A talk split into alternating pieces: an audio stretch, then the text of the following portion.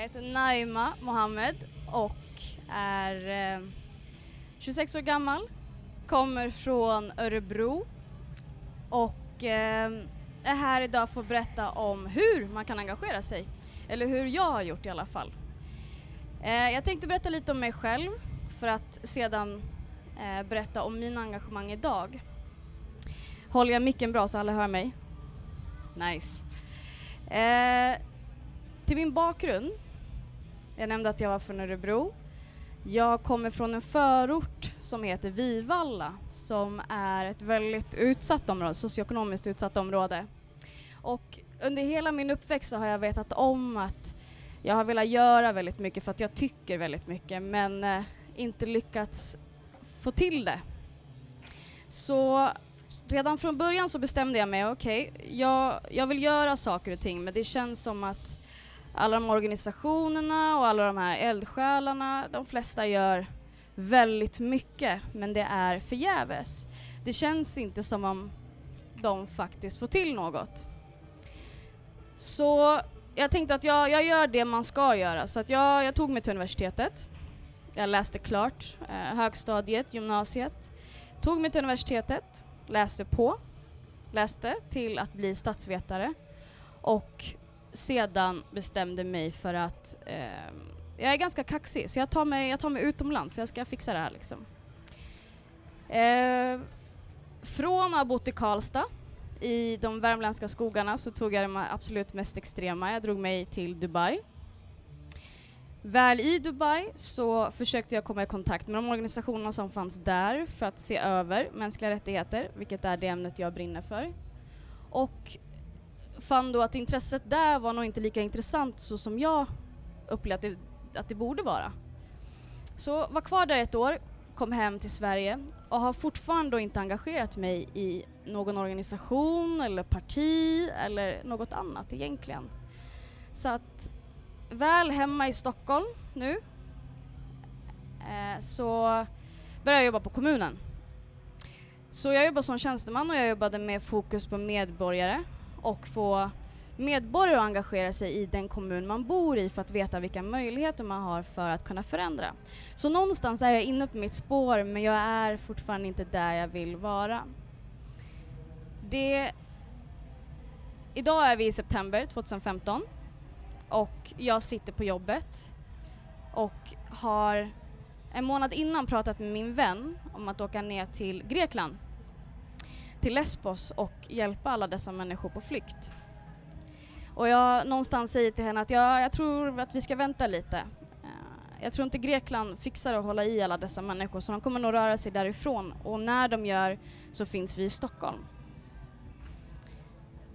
Så tillbaka till september. Jag sitter på jobbet eh, och jag följer Facebook. Jag ser alla de här feedarna komma upp, liksom. eller jag följer feeden och jag ser alla de här statusarna komma upp. Och hur, hur människor på centralstationen säger att det kommer väldigt mycket människor och vi behöver vatten, vi behöver äpple, vi behöver det här, vi behöver det här. Och jag fastnar vid strumpor. Vi behöver strumpor. Så fråga om jag får lämna jobbet tidigare, vilket jag gör, och ta mig till centralstationen. Innan dess så hinner jag förbi Stadium och köpa med mig massa strumpor. Och väl på centralstationen så är det helt fantastiskt att se att det är, liksom, det är människor i rörelse, någon snodde ett bord, den gjorde det, den gjorde det och helt plötsligt så har vi en free shop med massa, massa varor. Allt från kläder till mat, till dryck, till i princip allt man kan behöva. Väl där, jag som människa i kombination med min eh, OCD så lägger jag mig i liksom hela, hela allt som händer och bara känner okej okay, vi behöver göra det, vi behöver göra det. Vi behöver människor som tar sig till spåret, som hämtar upp dessa människor så de vet vart de kan få hjälp. Och på platsen så har vi jurister, vi har andra frivilliga som vill hjälpa dessa människor med boenden och ja, i princip allt de behöver, läkare eller sjukvård. Så en två, tre dagar in så har vi ett väldigt vi har en fantastisk struktur på hur vi hanterar mängden av människor som kommer. Jag tror någonstans att det kom ut några siffror runt att det var 800 om dagen som anlände till centralstationen i Stockholm. och eh, jag var där i princip varje dag och i kombination med mitt vanliga arbete är på centralstationen till tre på morgonen, går och lägger mig x antal timmar, åker till jobbet, ska fungera där, åker tillbaka och jag höll igång. Det är fantastiskt vad ett driv kan göra mot en. Um, ehm, några dagar in där i alla fall så känner jag så här att nu har vi skickat iväg en massa människor till privata bostäder och vi vet inte, jag menar alla är här för välvilja men jag känner att vi, vi behöver nog lite mer kontroll över situationen. Så jag kommer i kontakt med en, eh, en tjej som hjälper mig och kommer i kontakt med en nattklubb som heter Nobelberget. Den här nattklubben tog vi på oss att göra om till ett boende. Så i två veckor så hade vi ett transitboende som vi kallade för. För under den här perioden så var det väldigt mycket människor som åkte igenom Sverige. Så vi ordnade, eller vi kom fram till att det här, du vet, när man, när man är ute och reser då är man transit. Man, är, man, är, man fortsätter, man, det här är bara en del av ens resa. Så det här transitboendet som vi öppnade var igång i två veckor. Och redan att jag fick nycklarna, tre timmar senare hade vi våra första gäster som var förbi och sov över. Några dagar in så hade vi, jag menar vi hade återigen struktur. Det var över 400 personer per natt som var hos oss. Och jag tror vi räknade ut det till att bli ungefär 4 000 människor som både har, som har kommit förbi Nobelberget, både som volontärer men även boende på platsen eller gäster. Och under den här processen så förde vi även en dialog med staden för att förklara att det är inte det civila samhället som ska behöva ta det här ansvaret. Det är inte vi. Vi gör det här och vi gör det väldigt bra men det är inte vårt ansvar. Vi behöver hjälp. Vi har väldigt, väldigt mycket på, på våra axlar just nu. Och det gick ju väldigt bra. Staden lyssnade på oss, frågade om vi kunde hålla ut några dagar till så skulle de försöka ordna med en plats att eh, kunna ha alla dessa människor, alltså en lokal. Och det ordnade de och sen så fick Stadsmissionen i Stockholm på sig ansvaret och ordna med det här boendet. Men det här egentligen någonstans vill jag berätta med att jag som aldrig har varit engagerad i parti eller organisation eller något annat helt plötsligt kände mig viktig i sammanhanget. Om man ändå ska tala klarspråk så kände jag mig viktig i sammanhanget. Jag gjorde väldigt mycket. Och när jag väl pratade och stod på mig så var det folk som lyssnade. Och det hände grejer. Och jag tror det gjorde väldigt mycket för mig. Jag såg hur det gick från start till avslut. Varje sak vi började, det fanns ett, alltid ett avslut. Vi lyckades genomföra och vi lyckades hjälpa människor. Jag var med och träffade människor som har lämnat sina hem, rest en otroligt eh, hemsk, eller fått uppleva väldigt mycket hemskheter och tagit sig fram hit och de möter mig på centralstationen och jag kan säga här, här har du en jacka. Det är september, det är svinkallt här i Sverige men här har du en jacka och står där med flipflops. Det är fantastiskt att se hur, vilken, vilken resa man har gått igenom. Och jag tror än idag, även om jag står här och pratar, jag har nog själv inte fått grepp om hur mycket jag varit med om. Och jag tror det gäller för många av oss som har varit med om det här. Men egentligen så har det lett till att jag också engagerat mig i mycket annat. Jag nämnde att jag var från en förort och det har lett till att mitt intresse för just integration har varit väldigt, väldigt högt. Jag har föräldrar som kom hit i början på 90-talet. Jag är själv inte född här, men jag är uppvuxen. Och 26 år senare så pratar mina föräldrar fortfarande knakig svenska. Och det har ändå lett till att jag någonstans har fått en insikt i, okej, okay, men integrationen verkar inte riktigt funka här, eller själva processen, det är någonting som inte står rätt till. Vad, vad är det? Och från samma område som jag är uppvuxen i har jag bekanta som idag har lämnat Sverige för att kriga för en terroristgrupp. Och allt det här någonstans tycker jag spelar in i utanförskap. Och det leder mig till att idag är jag den personen, en av de personerna som faktiskt tar emot människor som är nya i vårt land. Och jag bär ett ansvar. Jag bär ett ansvar att följa dessa in till samhället och förklara hur funkar vi? Hur är Sverige? Hur funkar sjukvården? Hur funkar systemet i överlag? Att när du står i hissen så är det väldigt viktigt att du hittar en fast punkt som du stirrar på, för du får inte titta på någon annan utan du hittar en, en fast punkt du stirrar på. Sätter du dig på en buss, hitta en, en ledig, ledig sittplats och inte nära någon annan. Alla de här viktiga sakerna tycker jag är väldigt viktigt och utöver det så är det väldigt viktigt också att kunna språket. Så i engagemanget med det här flyktingmottagandet så är jag en av grundarna till en organisation som heter Refugees Welcome Stockholm. Och när vi väl förstod också vilket, vilken makt vi börjar faktiskt ha så var det så här, okej okay, men låt oss använda det på rätt sätt. Idag så bedriver vi en organisation, eller ett projekt som heter Rosa stationen som är en av de sakerna jag verkligen har brunnit för och det är de här integrationsfrågorna. Vi har sett att de människorna som kommer till Sverige eh, som har sökt asyl, som är i själva processen, har väldigt dåligt med pengar. Men de är, behöver aktivera sig precis som en själv.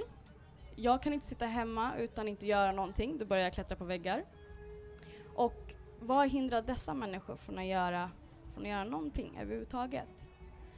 Och då har vi någonstans lokaliserat att det är väldigt viktigt att kunna till exempel bidra med transport. Jag vet inte om alla vet hur situationen är i Stockholm men det är, det är eh, Eh, jättemycket aktiviteter för nyanlända. Jättemycket som är gratis som man kan ta sig till och få göra mycket, träffa nytt folk. Men problemet är transporten, alltså från, att ta sig från A till B. På grund av det är en kostnadsfråga. Så på Rosa stationen så var det väldigt, väldigt viktigt för mig i alla fall att vi ordnar med transport. Hur gör vi det? Vi börjar söka bidrag och så vidare och eftersom vi är ganska unga ändå, vi har bara funnits i sex månader, så har det varit väldigt svårt.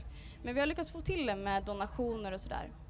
Så på tisdagar, nu är vi ledigt under sommaren, vi är ganska trötta, men på tisdagar så har man möjlighet att komma till Rosa stationen och så får man en bussbiljett.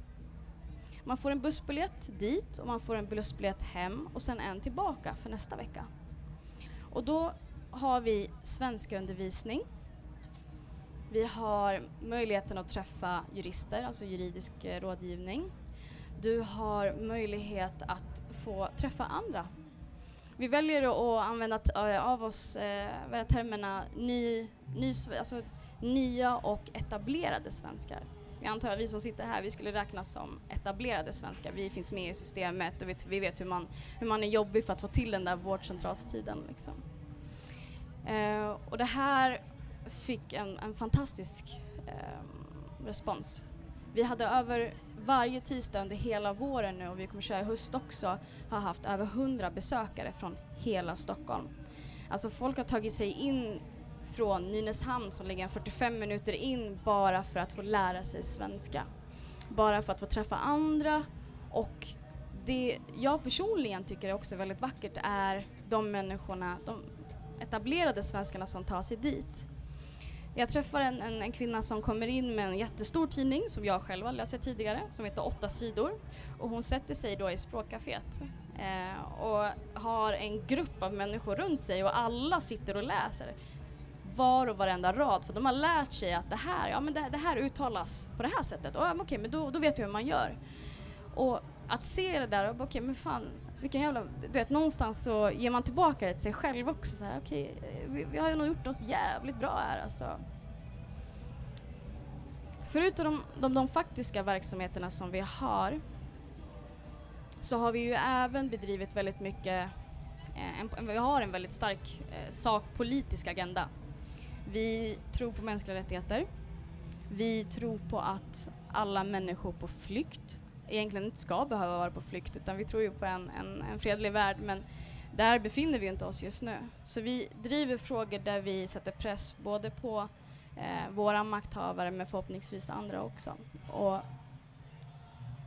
dessvärre så, så eh, står vi idag och har en väldigt, eh, om jag säger så här, jag är ganska jag är politiskt deprimerad Vi är i en situation idag där vi, Sverige som har varit framträdande i de här frågorna idag någonstans har dragit oss tillbaka och inte gör det vi har gjort massvis med år.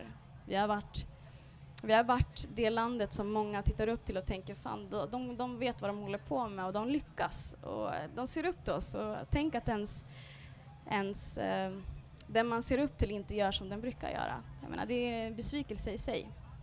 Så jag, eh, som sagt, har inget partipolitiskt engagemang och det är absolut inget, inget ont mot det, men det, jag, jag lägger ett värde i att alla människor ska engagera sig på ett eller annat sätt. Var och varenda person som faktiskt tar möjligheten att göra någonting och må det vara donera en tia eller att man faktiskt skriver upp sig på någon namnlista för att få igenom något, gör det. Det gör så otroligt, otroligt mycket. Och vi har tagit emot över 100 000 människor i Sverige och det här hade faktiskt inte lyckats om inte civilsamhället hade tagit eh, det ansvaret, eller inte ansvaret, men tagit på sig det överhuvudtaget. Det hade faktiskt inte funkat. Jag menar, vårt system klagar över att det är på väg att kollapsa men ändå så tog det ett ganska bra tag innan systemet faktiskt blev påverkat av alla dessa människor som kom in. Eftersom jag själv är för detta tjänsteman så vet jag ändå hur systemet någonstans funkar och jag vet också att det tar en väldigt, väldigt lång tid innan det, det påverkar. Vi märkte det från början. Vi var där, vi såg, vi träffade dessa människor, vi fick ett ansikte på det och det är nog därför också vi gör det vi gör. För det är inte siffror. Det här är människor vi träffar. Jag ser det där barnet som kommer in centralen utan skor. Det är jättekallt, utan skor. Och så här har de då färdats från till exempel Syrien. Jag vet inte om deras resa från början, men jag vet det som möter mig och det som möter mig är tillräckligt för mig för att få mig att engagera mig. Jag möter den kvinna som sitter inne på centralstationen och håller i en docka och är helt hysterisk för att hon har fått för sig att det är hennes dotter som försvann någonstans längs vägen. Bara sitter där och gråter och bara håller i dockan och, och människor försöker gå fram till henne och någonstans så här, lugna ner henne eller vet inte vad de ska ta till sig. Det här är människor vi möter, det är faktiska människor. Faktiska människor, det är du och jag. Och även om det inte gäller eh, frågor som handlar om eh, flyktingar så tycker jag det är väldigt viktigt att, att man faktiskt engagerar sig. Tänk så mycket man kan få igenom om man, om man mobiliserar sig och är ett par och bara lyssna, vi tycker så här och jag tycker att ni ska lyssna på oss. Vi tycker att ni ska lyssna på oss för vi har någonting som är viktigt och vi vill framföra det. Det här har också lett till att jag eh, någonstans eh, försöker eh, prata med mig själv som 17-16-åring. Nej man, det går att göra mycket, den här världen må vara skit eller ja, vad du än nu tycker. Men det går att göra väldigt mycket, men du kanske inte har verktygen att göra det. Och det här engagemanget har nu lett till att jag, jag jobbar för en organisation som heter Sveriges ungdomsråd. Vi jobbar med att ge unga de verktygen de behöver för att kunna lyfta sin röst. Vi, vi vill ge dem forum för att kunna säga fan vi tycker det här alltså. Vi har inte det här, vi kan inte gå på café där kaffet kostar 60 spänn, vi ordnar ett eget café. Vet man att man kan göra det? Nej. Eh, och det här gäller vuxna som unga. Jag menar, som när jag jobbade för kommunen, då jobbade jag för att säga till en vuxen du har möjlighet att kunna tycka till. Du kan påverka din kommun. Vi lyssnar på dig. Du kan lyssna, eller du kan prata med politikerna. Du kan få igenom det du vill.